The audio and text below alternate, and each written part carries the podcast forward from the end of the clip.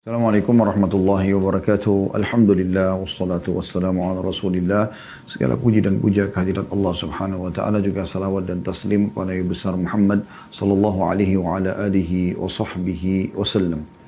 Saudaraku seiman melanjutkan pada buku kita kumpulan doa yang dalam Al-Qur'an dan hadis yang ditulis oleh Syekh Sa'id bin Wahf Al-Qahtani rahimahullah dan kita sudah menyelesaikan pada kesempatan yang lalu doa-doa yang dibaca selepas sholat fardu. Dan kita akan masuk insya Allah di bab ke-25 ya. Bab ke-26 nya doa sholat istikharah. Dan saya akan uh, bacakan dulu hadisnya. Di sini disebutkan di halaman 69 bagian pegang bukunya. Dari Jabir bin Abdullah radhiyallahu anhuma beliau berkata Rasulullah sallallahu alaihi wasallam mengajari kami doa istikharah dalam dalam kurung situ menghadapi dan memutuskan segala sesuatu. Sebagaimana beliau mengajari kami suatu surat dari Al-Qur'an.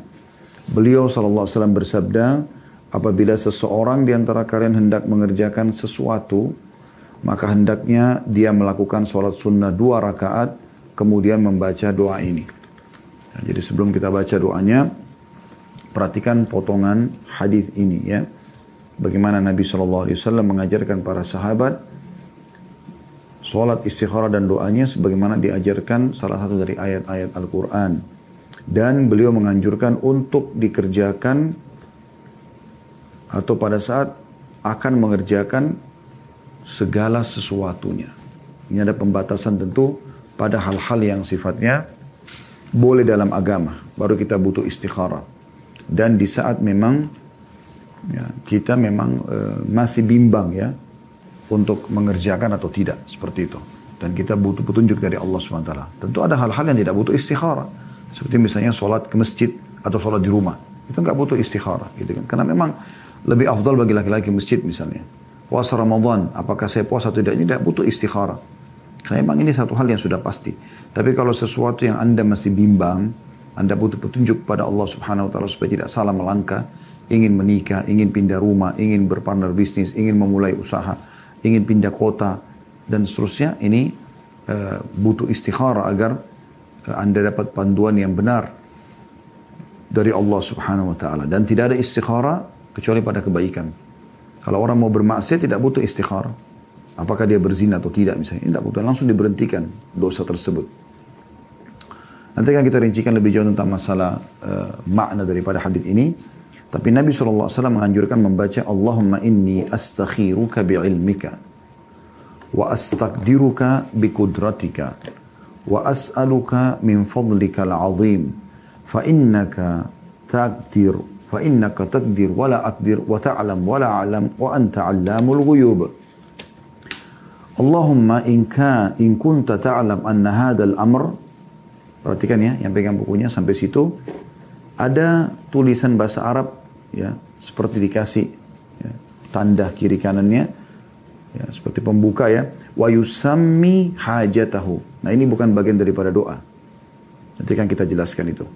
Khairun li fi dini wa ma'ashi wa akibati amri au qala ajilihi wa ajilihi faqdurhu li wa yassirhu li thumma barik li fi.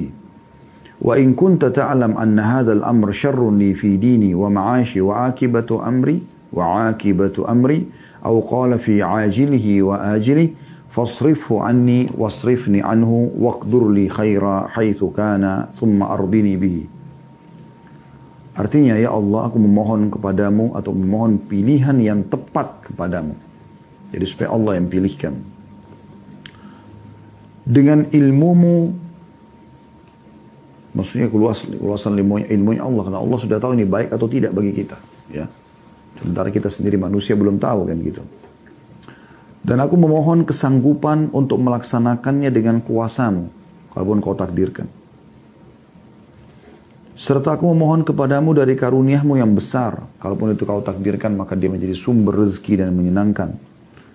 Karena sungguhnya engkau maha kuasa, sedang aku tidak kuasa.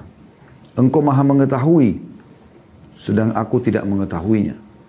Dan engkau maha mengetahui yang gaib, Ya Allah, apabila engkau mengetahui bahwa urusan ini Tadi yang saya bilang ada tanda pembukanya di situ.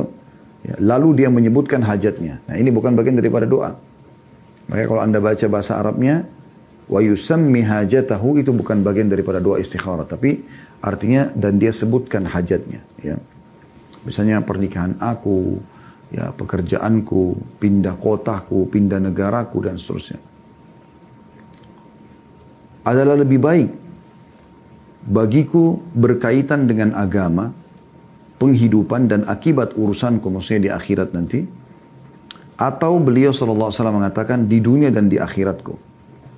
Maka takdirkanlah ia untukku mudahkanlah ia bagiku limpahkanlah keberkahan padanya untukku.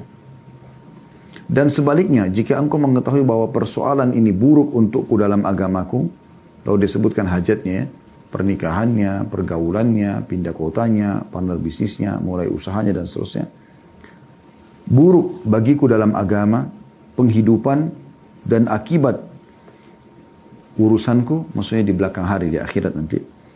Atau Nabi SAW mengatakan di dunia dan akhiratku. Maka jauhkanlah persoalan tersebut dariku dan jauhkanlah aku darinya. Lalu takdirkanlah kebaikan untukku di mana pun atau di mana saja kebaikan itu berada, kemudian buatlah aku ridho dengannya. Hadisnya riwayat Bukhari, jilid 7 halaman 162. Ini kita baru baca terjemahannya. Kita akan masuk panjang lebar ke masalah syarah atau penjelasan insya Allah. Saya bacakan dulu kata penulis. Dan tidak akan pernah menyesal orang yang beristikharah kepada Allah yang maha pencipta dan bermusyawarah dalam kurung meminta pendapat dari orang-orang mukmin dan berhati-hati dalam menangani persoalannya. Dan Allah subhanahu wa ta'ala menyebutkan dalam surah Al-Imran ayat 159 A'udzu billahi minasyaitonir rajim amr fa idza azamta fatawakkal 'ala Allah fa idza azamta fatawakkal 'ala Allah. Dan bermusyawarahlah dengan mereka hai Muhammad dalam urusan itu. Kemudian apabila kamu telah membulatkan tekad maka bertawakallah kepada Allah. Nah ini kurang lebih gambaran daripada uh, doa istikharah tadi bahasa Arabnya dan juga terjemahannya kita akan coba teman-teman sekalian masuk kepada beberapa dalil dulu yang mirip dengan ini. Masalah istikharah ya. Yang mirip dengan tadi hadis yang kita bacakan. Disebutkan hadis istikharah dalam khidbah.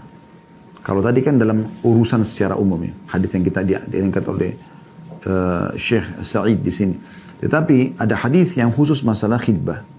Diriwayatkan dari Abu Ayyub Al-Ansari radhiyallahu anhu bahwa Rasulullah SAW bersabda uktumil khidbata thumma tawadda fa ahsin udu'aka thumma salli ma kataballahu laka ahmad rabbaka wa majjidhu thumma qul Allahumma innaka taqdiru wa la aqdir wa ta'lam wa la alam wa anta 'allamul ghuyub فإذا رأيت في فلانة تسميها باسمها خيرا لي في ديني wa dunyaya wa akhirati faqdurha li wa in kana ghairuha khairan li minha fi dini wa dunyaya wa akhirati faqdi li dhalik.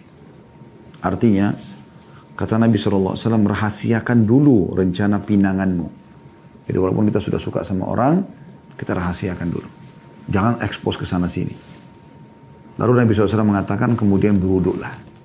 Kalau suka sama satu orang, beruduklah. Lalu kata beliau berulah dengan dengan baik, kemudian sholatlah dengan sholat yang telah Allah fardukan padamu. Maksudnya Allah perintahkan kepadamu. Ya, di sini maksudnya sholat istikharah tadi ya. Kalau dalam hadis yang sebelumnya, sholat dua rakaat.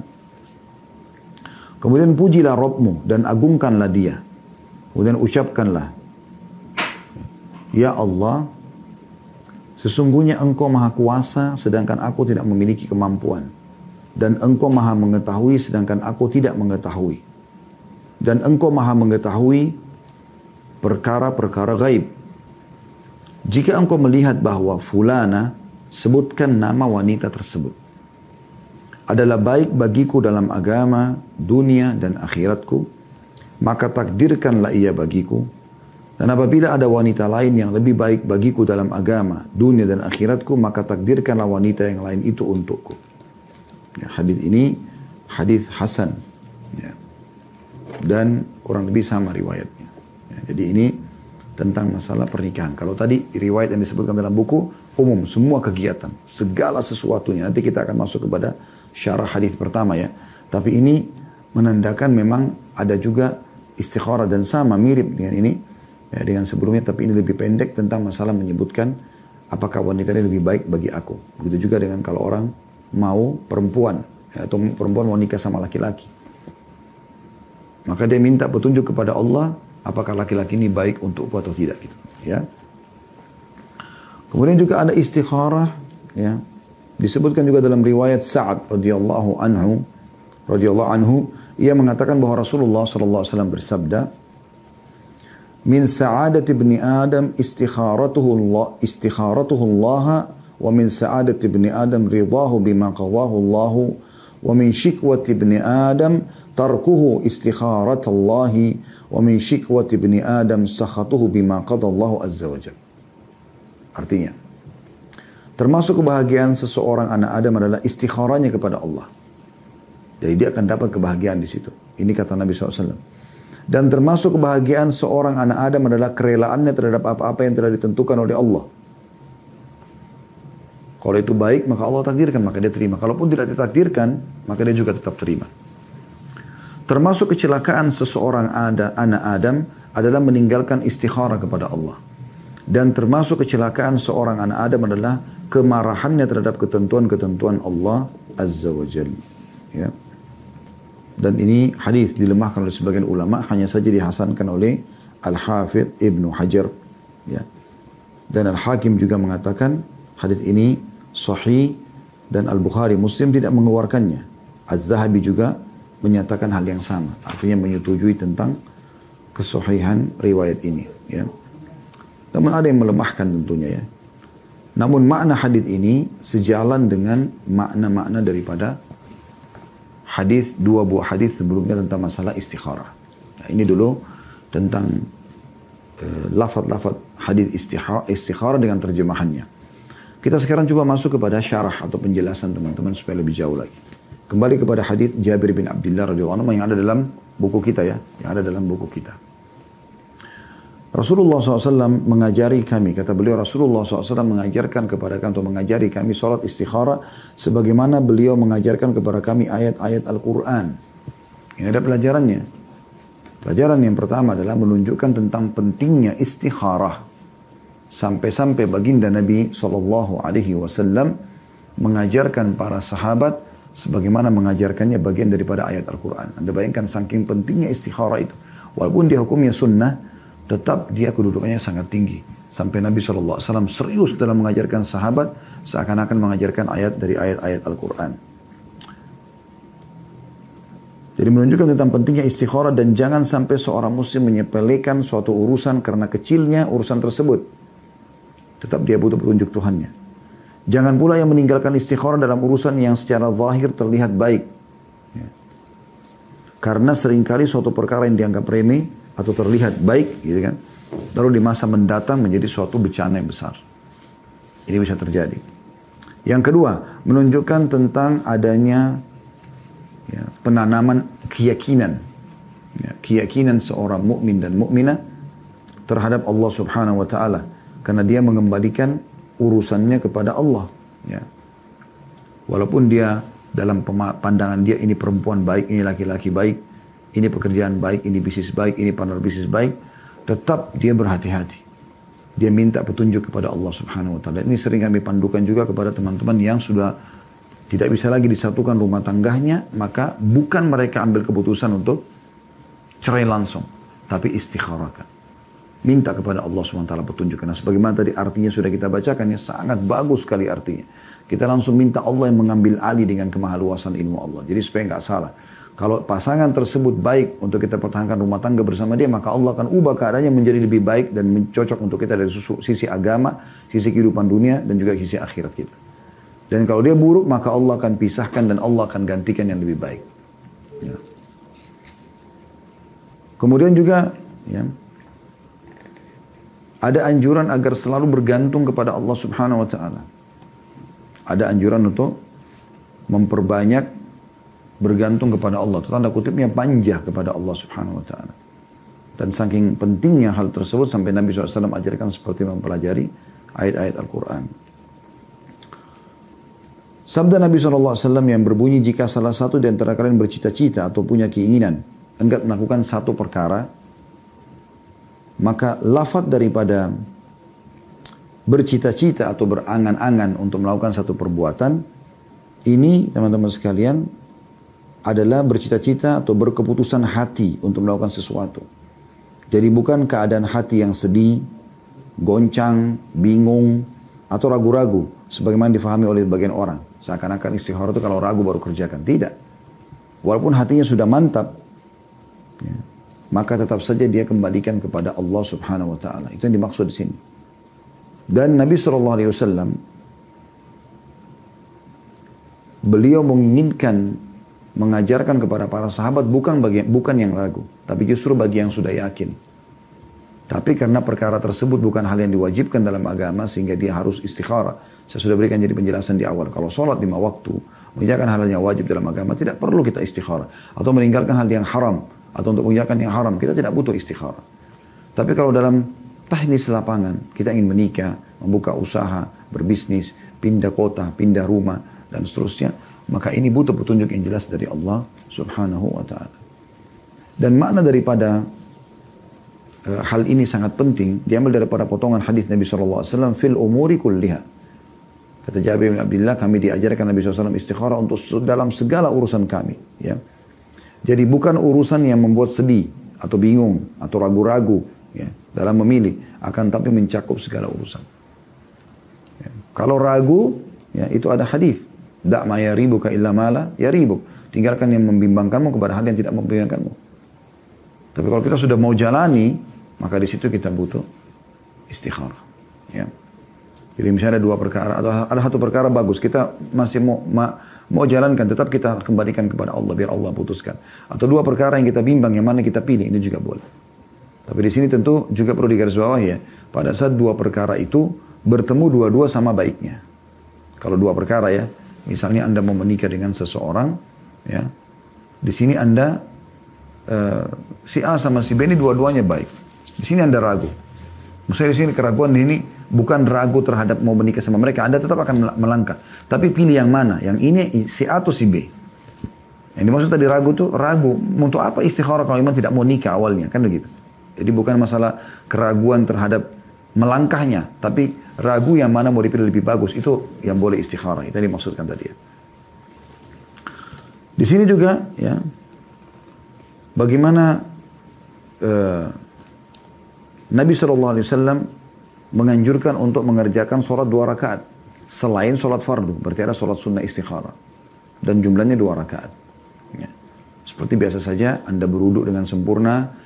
Seperti Anda kalau mau sholat qabliyah, mau sholat duha, mau sholat malam, mau sholat taubat, Anda begitu. Lalu sholat biasa.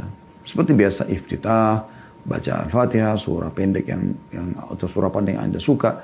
Sampai Anda selesai dua rakaat, begitu salam Anda membaca doa ini. Ya. Kemudian juga ya, sabda Nabi SAW, Ya Allah sungguhnya aku meminta pilihan yang tepat kepadamu dengan ilmumu. Ya. Maksudnya adalah aku meminta pilihan yang terbaik darimu dengan memudahkan urusan ini jika memang yang terbaik bagiku karena ilmumu yang lebih luas dan mencakup segala sesuatunya.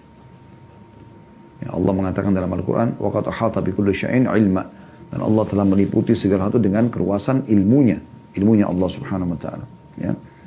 Jadi maksudnya adalah, biar tidak salah. Biarkan Allah yang memilihkan gitu.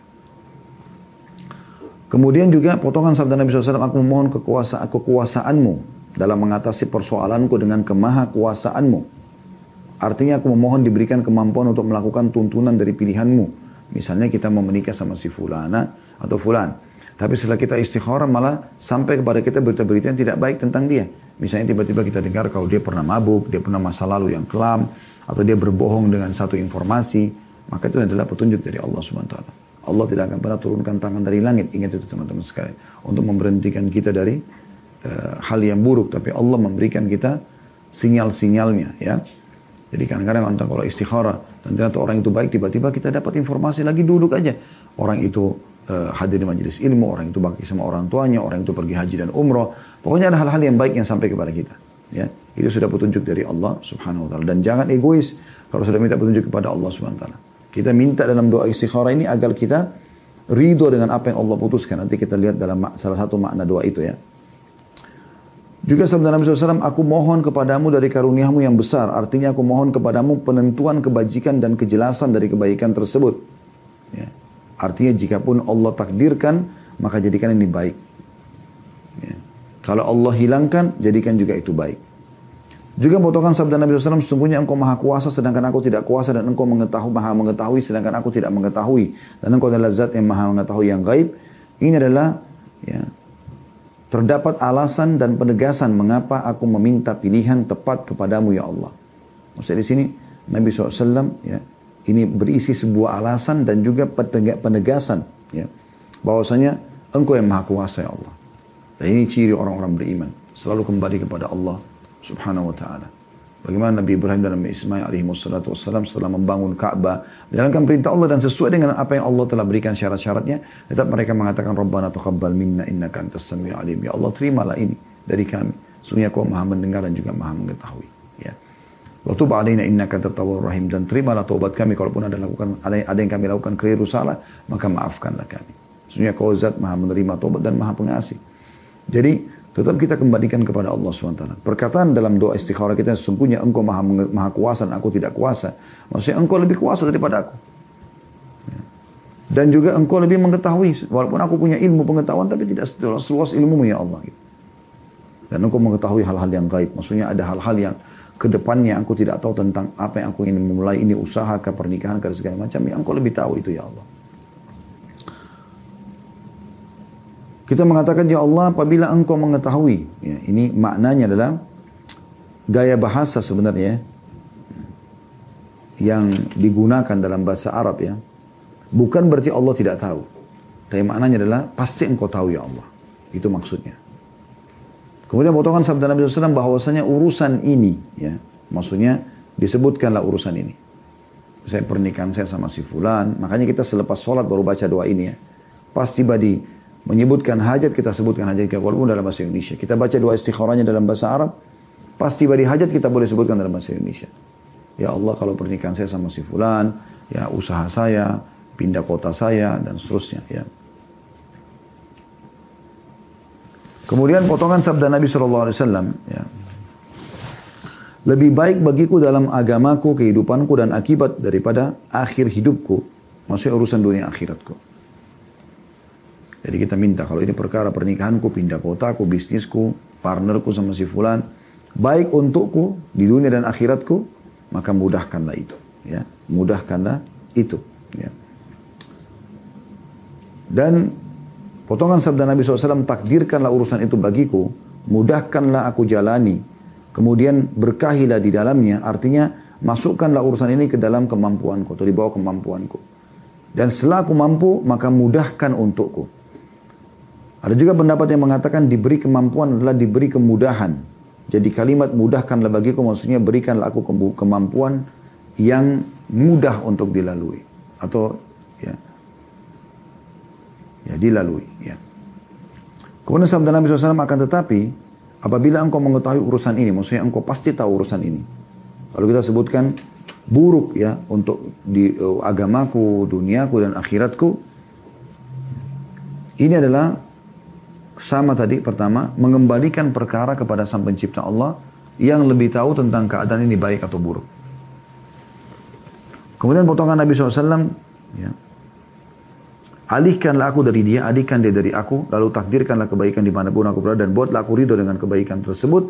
Ini maksudnya adalah, buatlah aku jadi tidak suka dengan pekerjaan itu, dengan pernikahan itu, dengan bisnis itu, dengan pindah kota itu atau pindah negara itu. Ya. Kemudian buat juga dia, kalaupun itu manusia tidak suka dengan aku. Teralihkan semua. Kita nggak dirugikan, ya orang itu juga tidak dirugikan.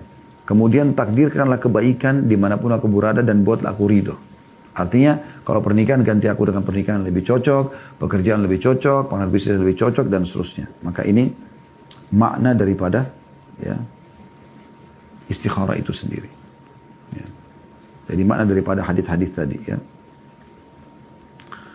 Istikharah ini teman-teman sekalian membutuhkan beberapa perangkat yang harus kita ketahui. Yang pertama sekali, adalah niat yang benar dalam hati. Jadi betul-betul memang karena dia ingin mengerjakan atau ingin minta petunjuk dari Allah Subhanahu wa taala. Itu yang penting. Dari hatinya. Bukan karena hanya disuruh oleh orang, bukan karena nggak enak sama calon pasangan, calon mertua tidak. Atau dia tipu orang, ya ya saya sudah saya akan istikharah padahal tidak istikharah enggak. Makanya dia amalan hati. Dia betul-betul ingin mendapatkan petunjuk dari Allah Subhanahu wa taala. Maka di situ Allah akan berikan dia petunjuk ya. Kemudian ya, dia membaca doa seperti yang Nabi SAW ajarkan. Kalau belum hafal, setelah salam dia pegang doa itu banyak anda tinggal ketik di Google doa istikharah akan keluar gitu. Kemudian yang ketiga adalah dia bertawakal setelah itu. Tawakal itu yang menyerahkan urusan itu kepada Allah Subhanahu wa taala. Udah, saya udah lihat orang ini saya cocok. Dan ingat kalau mau khidbah tadi sudah hadis ada saya sudah bacakan, jangan dulu diiklankan, tapi istikharahkan dulu. Di saat kita melihat ada kemudahan-kemudahan yang Allah mudahkan dari calon pasangan kita, dari calon mertua kita, termudahkan jalannya maka berarti itulah jodoh kita. Sudah tinggal kita bismillah jalan melangkah gitu. Ya. Itu yang dimaksud di sini.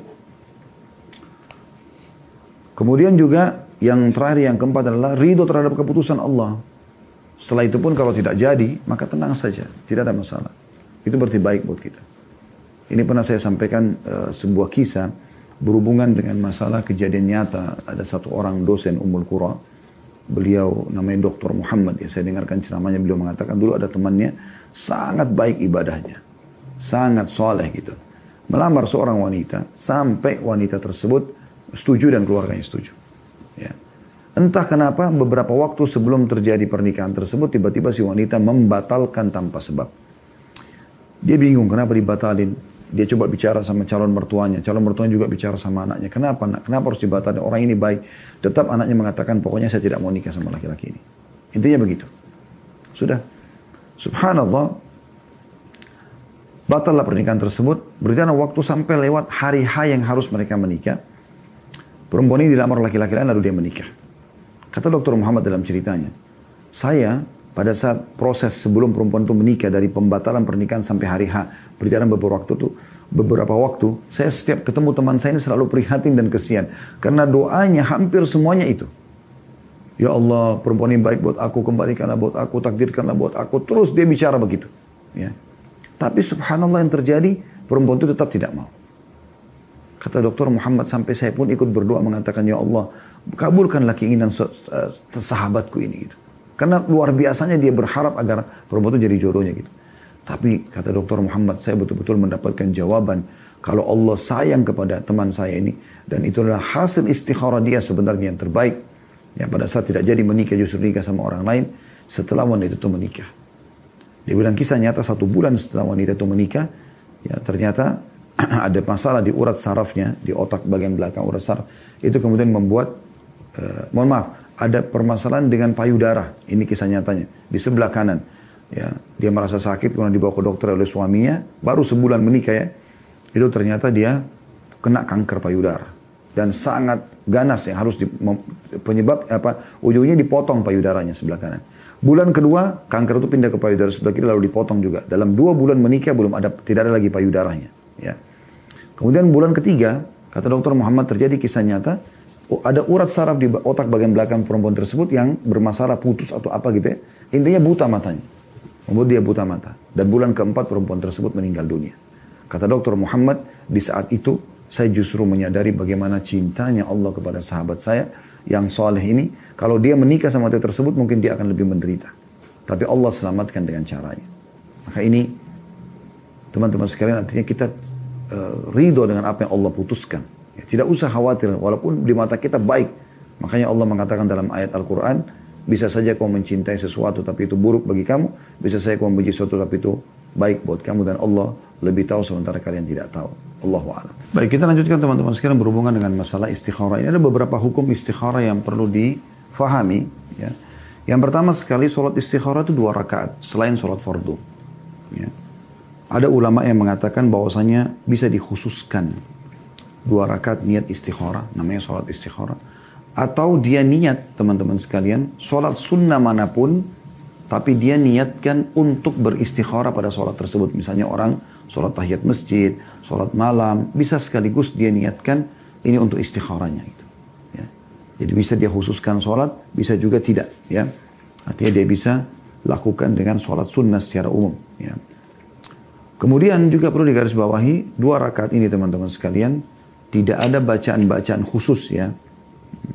Jadi yang ada seperti umumnya membaca Al-Fatihah setelah iftitah, kemudian baca surah secara umum. Mau pendek, mau panjang, itu dibolehkan. Tidak ada masalah. Ya.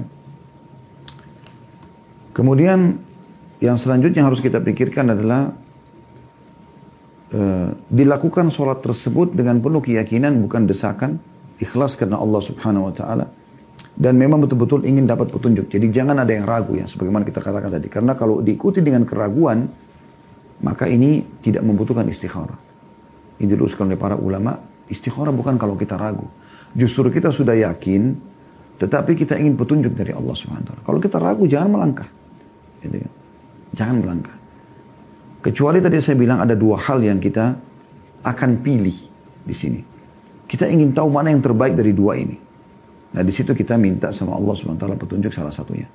Tapi kalaupun tidak ada dua pilihan ini, kalau memang itu sudah baik pun dan Anda ingin supaya jelas mendapat petunjuk dari Allah, maka lakukan. Istikharah itu. Sudah jelas-jelas saya akan menikah dengan seorang laki-laki yang saleh. Atau saya akan menikah dengan seorang wanita yang salehah. Ya, bila seorang muslim mengatakan dia akan nikah dengan laki-laki soleh. Atau seorang laki-laki mengatakan dia akan nikah dengan wanita soleh. Dia udah yakin ini bagus akhlaknya, bagus agamanya, bagus jalur nasabnya, berpendidikan apalah segala macam. Tetap dia istikharah. Justru situ dibutuhkan istikharah. Ya. Tapi kalau dia ragu, agamanya ini orang bagus atau tidak, kelihatannya sih belum berhijab, kelihatannya sih belum jaga sholat, kelihatannya kelihatannya nggak usah istikharah, nggak usah nikah sama dia. Karena Nabi SAW menyuruh kita meninggalkan hal yang diragukan kepada hal yang tidak meragukan. Ya. Ini perbaikin baik-baik. Jadi pemahaman sebagian orang mengatakan nanti kalau samar istikharah ini keliru. Bukan dengan cara seperti itu. Ya. Kemudian juga perlu digarisbawahi, eh, lakukan sholat ini tentu dengan seluruh syarat-syaratnya ya, dengan tumak nina, dengan kehusyuan ya. Kemudian istikharah ini dilakukan bukan pada hal-hal yang haram. Sudah saya jelaskan di awal tadi, tapi kita titik beratkan lagi. Gak ada istikharah berzina atau enggak. Ya, minum khamar atau tidak. Mencuri atau tidak dan seterusnya. Doa istikharah dibaca setelah salam. Ya. Hal itu berdasarkan sabda Nabi SAW, Thummal yakul. Ya. Kata Nabi SAW kan, berurut dengan baik, kemudian dia sholat dua rakaat, kemudian dia ucapkan. Jadi doa istikharah bukan dibaca pada saat lagi sholat, tapi setelah sholat. Karena Nabi SAW mengatakan setelah sholat, kemudian dia membaca, lalu membaca doa istikharah tadi. Ya. Kemudian disunnahkan pada saat uh, mau istikharah ini, kita memuji-muji Allah. Makanya potongan awalnya kan, Allah mani astakhiruka bi ilmika, wa astaghfiruka bi kudratik. Gitu kan. Ya Allah aku beristikharah ini dengan keluasan ilmumu. Gitu kan. Kita memuji-muji Allah. Kemudian yang penting di garis bawah juga hasil daripada istikharah itu tidak harus mimpi. Boleh orang bermimpi, boleh juga tidak. Boleh misalnya ada kecenderungan, ada kecenderungan, ada kemudahan dan ini yang lebih banyak daripada mimpi. Maka ada orang katanya sudah beristikharah, sudah mimpi, sekian lama tidak mimpi-mimpi. Memang tidak harus mimpi. Tidak harus mimpi ya. Itu sudah umum disampaikan oleh para ulama. Tapi bisa saja ada kecenderungan, ada kemudahan dan seterusnya ya. Kemudian kalau istikharah itu fokus kepada doa yang sedang diminta. Dan jangan campur adukkan doa yang ingin disampaikan uh, hajat yang lain dalam sholat istikharah. Misalnya kita mau menikah, ya sudah kita fokus bahas masalah itu. Kita mau kerja, kita fokus masalah itu. Ya. Jadi kalau doa-doa yang lain Anda sampaikan di waktu lain, karena memang Anda ingin fokus di sini.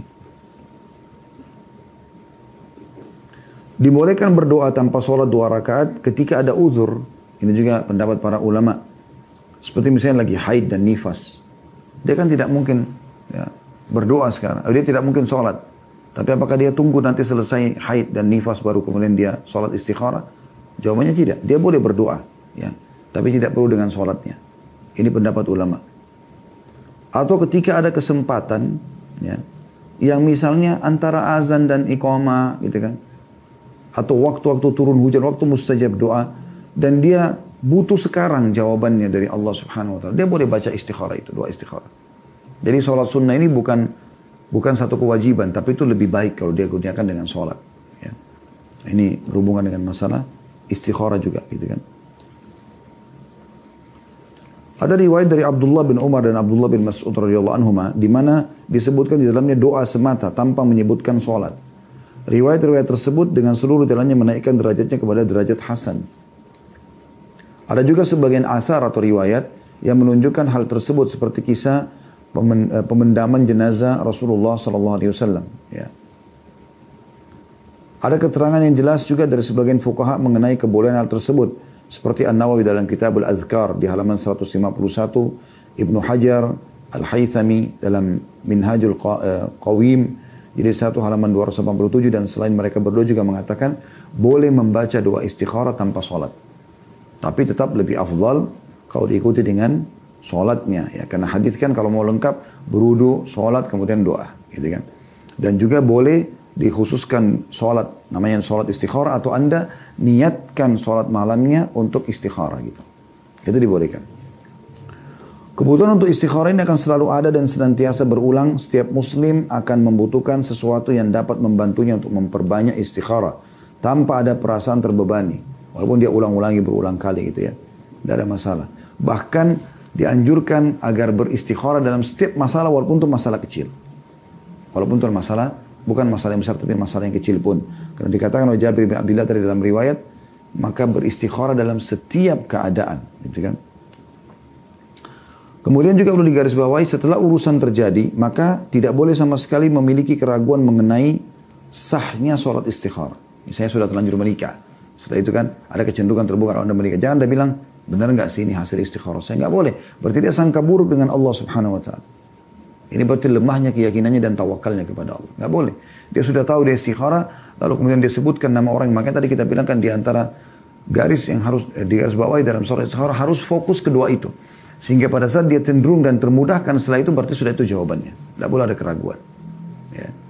Masalah kasus nanti setelah menikah ternyata ada hal-hal yang terjadi misalnya dalam rumah tangga itu ada keributan ada segala macam itu tidak menafikan kemuliaan sholat istikharah dan petunjuk bahwa ini adalah orang yang terbaik buat kita.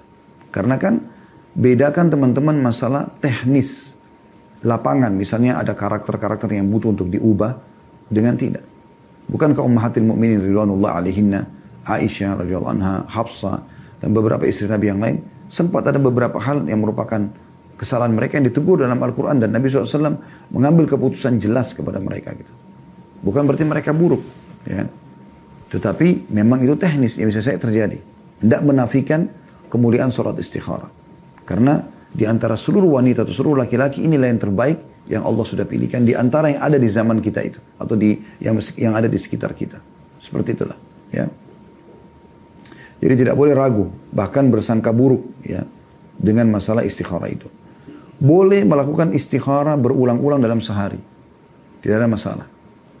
Ya, bukan berarti sehari sekali, boleh di pagi hari, boleh di siang hari, boleh di, di malam hari. Yang penting hindari waktu yang dilarang. Kan habis subuh sampai terbenam mata, sampai terbit matahari dan habis so, asar sampai terbenam matahari ini dilarang sholat gitu kan. Sedangkan ini boleh anda lakukan berulang-ulang gitu kan.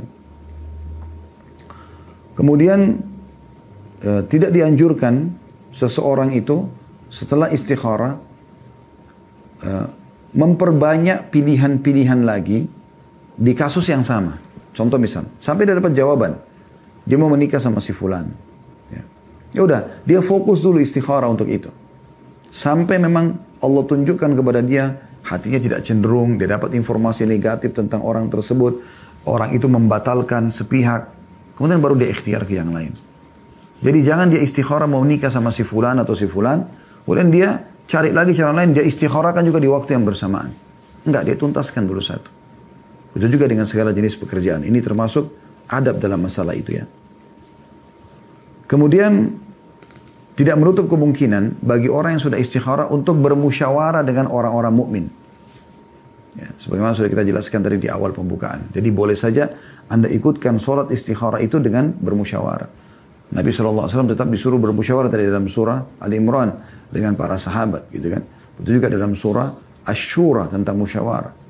Allah SWT memerintahkan Nabi Muhammad SAW untuk ya, ber, bermusyawarah, menanyakan. Tapi kepada orang-orang yang berakal. Nah, tapi di sini perlu digarisbawahi teman-teman sekalian, kita harus menanyakan dan meminta pendapat kepada orang yang sudah lebih pengalaman dan orang benar. Contoh misal, Anda ingin menikah. Nggak pantas Anda minta pendapat dan saran dari orang yang belum menikah. Sebagai bentuk musyawarah Anda dan melengkapi istikharah Anda. Tidak keliru. Nggak bisa. Ya. Karena dia belum punya pengalaman. Nggak akan nyambung nanti. Seperti banyak kasus terjadi, ada orang mau menikah, lalu dia tanya adiknya yang masih gadis, yang lebih muda dari dia, gitu kan? Atau dia berbicara dengan orang yang gagal berumah tangga, janda atau duda misalnya, ya. Perempuan ngomong sama janda, laki-lakinya ngomong sama temannya duda misalnya. Maka mereka akan menjelaskan tentang kegagalannya.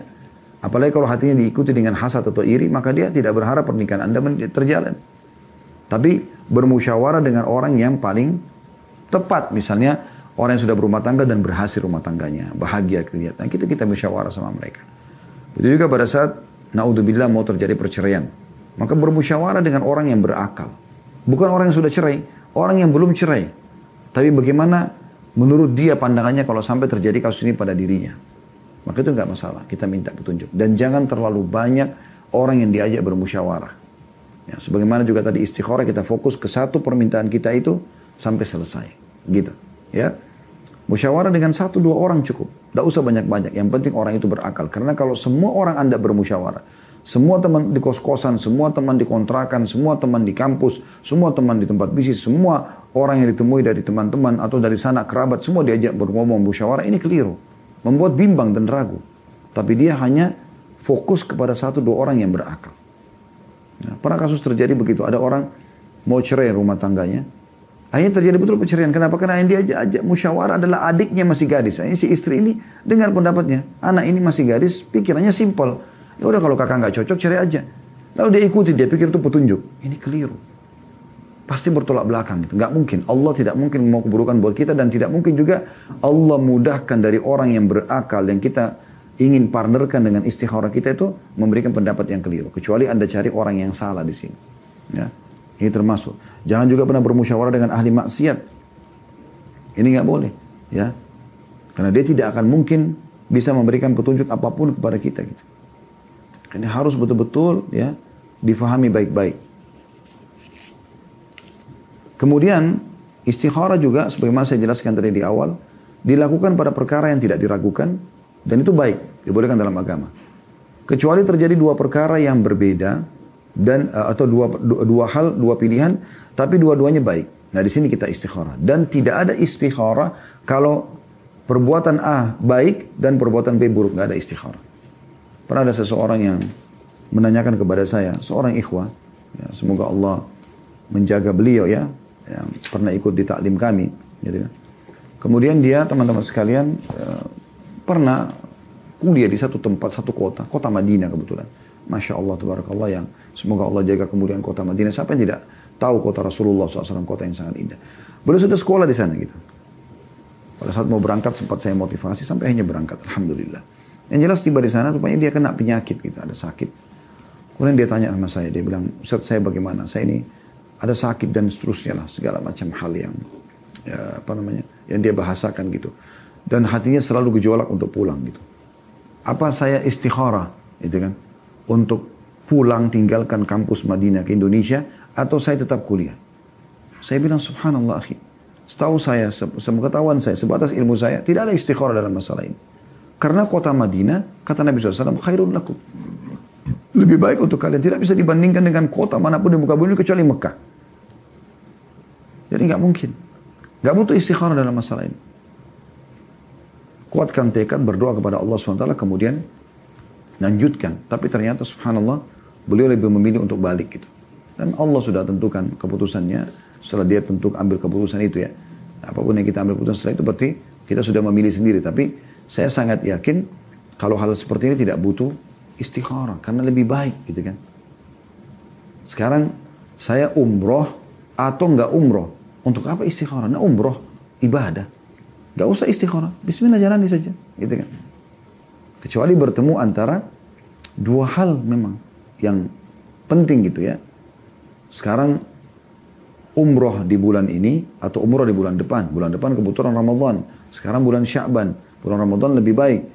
Ya, tapi saya khawatir nanti siapa tahu ajal datang dari sini dia istikharah misalnya. Ini contoh. Dan ini teman-teman sekalian istikharah ini memberikan gambaran kepada kita bahwasanya kita hanya bergantung kepada Allah SWT dan tidak ada lagi bentuk yang lain selain daripada istikharah ini. Maksudnya begini, banyak orang melakukan hal-hal yang aneh-aneh, ya, aneh-aneh. Misalnya mengundi nasib dengan biji-bijian, ya, kan begitu. Seperti misalnya menghitung biji pada saat dia mau lakukan satu perkara nih, lakukan tidak, lakukan tidak, lakukan tidak, dan akhirnya jatuhlah kepada kata-kata tidak misalnya. Ya udah berarti saya sial nih kalau saya melakukan. Ini nggak boleh ini, mutlak. Ya. Itu juga ada orang yang melakukan dengan uh, apa namanya suara toke ya. Tapi itu saya waktu masih kecil di kota Makassar saya sering dengar itu ya. Kadang-kadang sampai orang-orang orang sudah dewasa gitu dekat saya mengatakan pada saat toke mengeluarkan suaranya toke gitu uh, apa namanya lakukan yang kedua tidak, lakukan tidak. Sampai terakhir kalau yang sudah tidak bersuara, oh berarti jangan lakukan. Ini nggak boleh. Ini namanya tatayur. Menggantungkan nasib pada pada sesuatu yang tidak perlu. Ada orang dengan sapu tangan, ada orang dengan kerikil, ada orang dengan uh, gatal tangannya, uh, matanya dan segala macam hal. Ataupun sampai kemasuk kepada hal-hal yang syirik lebih besar lagi yaitu ramalan bintang, ya. Atau mengandu nasib, mengundi nasib dengan orang yang masuk ke dalam rumahnya, ya kalau orang ini datang ke rumah saya berarti begini dan begitu. Nah ini semua teman-teman sekalian tidak benar. Ya. Jadi orang-orang Quraisy itu ada dua hal yang mereka lakukan dikenal dengan tatayur itu yang diharamkan dan termasuk syirik ya. Yang pertama mereka um, membayar peramal dan dukun yang ada pada saat itu ya membayar dan di, mereka diberikan satu sebuah kotak kotak itu isinya uh, bulu hewan bulu burung ditulis di atasnya lakukan lembar yang pertama, lembar yang kedua, bulu yang kedua itu tidak lakukan, yang ketiga kosong, ditaruh. Setiap kali dia mau lakukan satu urusan gitu, apa saja di Mekah mereka datangi dukun-dukun ini, tentu dukun ini menipu orang, tidak benar semuanya. Tapi diberikanlah uang, kemudian dia ngundi nasibnya. Dia masukkan tangannya ke dalam kotak tersebut. Ya. Kalau keluar bulu yang ada tulisan lakukan, berarti dia akan berhasil, bagus kalau dia lakukan gitu. Safarnya, menikahnya, usahanya dan seterusnya. Tapi kalau keluar jangan lakukan atau tidak lakukan, maka berarti dia akan sial kalau dia lakukan. Kalau keluar bulu yang belum ada tulisannya, dia ulangi sampai salah satunya keluar. Nah, itu kebiasaan orang-orang jahiliyah dulu. Yang kedua mereka mengambil burung, kemudian mereka melepaskannya. Kalau terbang ke arah ya, yang dia mau pergi, safar misalnya ke arah selatan, ya maka berarti dia akan selamat. Kalau ke arah utara lawannya, berarti dia akan celaka. Nah ini semua hal-hal yang tidak boleh sama sekali. Ini tidak masuk dalam kita serahkan kepada Allah taala dan tidak ada tidak ada namanya waktu yang sial. Makanya kata Nabi SAW dalam hadis Qudsi Allah berfirman hadis Bukhari, La tasubud dahr fa innid dahr. Kata Allah, jangan pernah kalian mencaci maki waktu. Jangan bilang ada yang sial. Gitu kan. Gak ada waktu yang sial. Allah ciptakan semua waktu mulia. Waktu itu semuanya baik untuk digunakan gitu kan. Ada waktu lebih baik dari yang lain? Iya. Seperti misalnya hari Jumat lebih baik daripada yang lain? Iya. Ramadan lebih baik daripada yang iya. Tapi bukan berarti yang lainnya sial. Seperti keyakinan di Indonesia, sebagian orang ya. Saya pernah dengarkan itu. Hari Selasa adalah hari yang sial. Jadi kalau ada orang terjadi kecelakaan, segala macam hari Selasa. Oh karena hari Selasa. Loh kenapa hari Selasa? Ini? Apa hubungannya? Gak ada sama sekali hubungannya. Dan ini makanya kita butuh ilmu yang benar. Ya. Ini butuh ilmu yang benar, butuh dasar yang benar. Sehingga tidak sembarangan kita melakukan hal-hal yang seperti ini. Ya. Tentu kalau kita ingin bicara lebih jauh daripada ini, tidak boleh teman-teman sekalian seperti uh, orang-orang non-muslim ya. Mereka anggap kalau rumah itu menghadap ini, maka akan sial. Pintu menghadap ini tidak boleh, ini dan ini tidak boleh. Kita ada sendiri sebenarnya. Seperti kasus tidak boleh Nabi SAW melarang menghadapi menghadap dan membelakangi kiblat pada saat buang air besar, buang air kecil. Itu ada. Tapi tidak perlu kita mengikuti ya cara-cara orang non-muslim ini. Tidak boleh sama sekali. Ya. Kemudian kita tutup teman-teman sekalian dengan yang terakhir adalah uh, istikharah ini tidak harus kita bergantung murni sama sama hasilnya apa, tapi butuh istihad. Jadi gini, maksudnya sambil sambil kita teman-teman sekalian istikharah, sambil kita juga ikhtiar ngumpulin informasi gitu-gitu. Jadi bukan kita duduk saja, enggak, tapi kita juga sambil ikhtiar. Dan itu masuk dalam umum firman Allah SWT dalam surah Al-Ankabut, surah nomor 29 ayat 69 ya. A'udzu billahi minasyaitonir rajim jahadu fina lanhdiyannahum subulana wa innallaha la ma'al muhsinin. Dan orang-orang yang berjihad atau untuk mencari keridhaan kami berusaha ya berikhtiar benar-benar akan kami tunjukkan kepada mereka jalan-jalan kami dan sungguhnya Allah benar-benar bersama dengan orang-orang yang berbuat baik. Allahu alam. Jadi ini bahasan tentang istikharah insya Allah. Dan kita akan masuk di pertemuan akan datang nanti dengan zikir pagi petang.